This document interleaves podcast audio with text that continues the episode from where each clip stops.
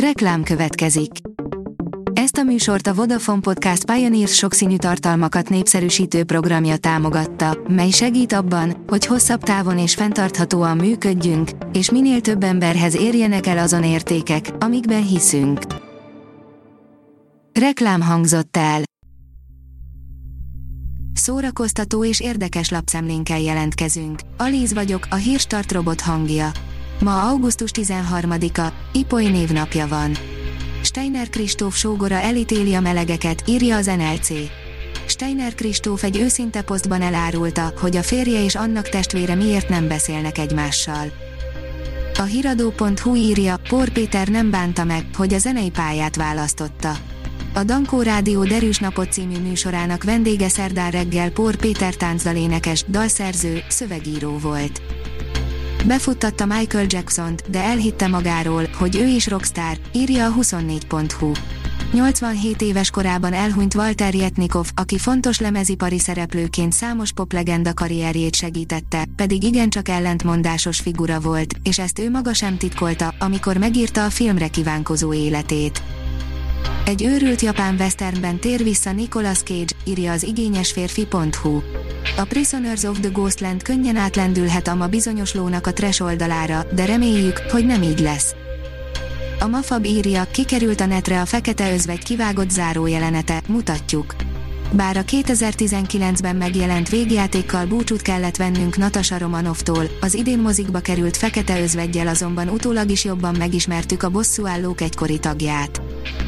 A tudás.hu írja, táncolj, hogy elveszítsd az eszed, mondta Polunyin, a Balett Budapesten fellépő fenegyereke. Ez a péntek és 13-a a kulturális programok tekintetében igazán szerencsés nap.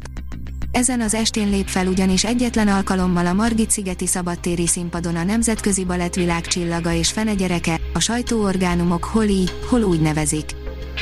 A középiskola ellenséges terület, írja a 444.hu. Az invázium klasszikusokból szórakoztatóan összelopkodott, öntudatos ponyva horror a Sikoly farvizén.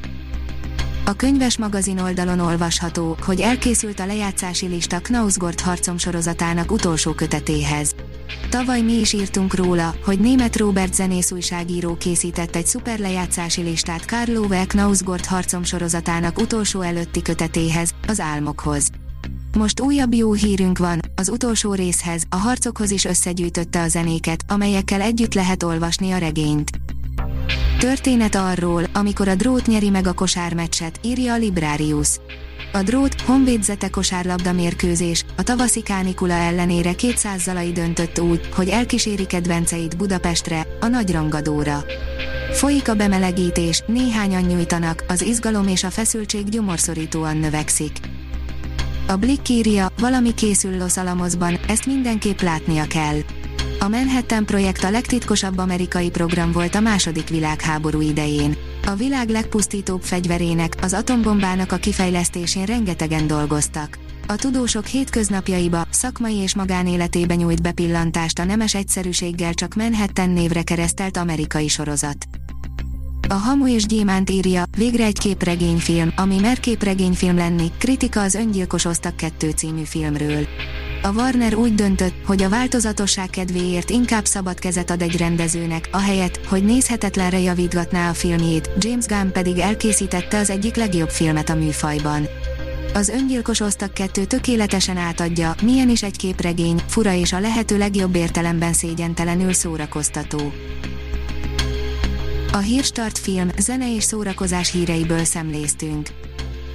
Ha még több hírt szeretne hallani, kérjük, látogassa meg a podcast.hírstart.hu oldalunkat, vagy keressen minket a Spotify csatornánkon. Az elhangzott hírek teljes terjedelemben elérhetőek weboldalunkon is. Ha weboldalunkon hallgat minket, az egyel korábbi adás lejátszása automatikusan elindul. Beállíthatja, hogy az összes korábbi adás, vagy csak az aktuális tematika hírei következzenek. Köszönjük, hogy minket hallgatott!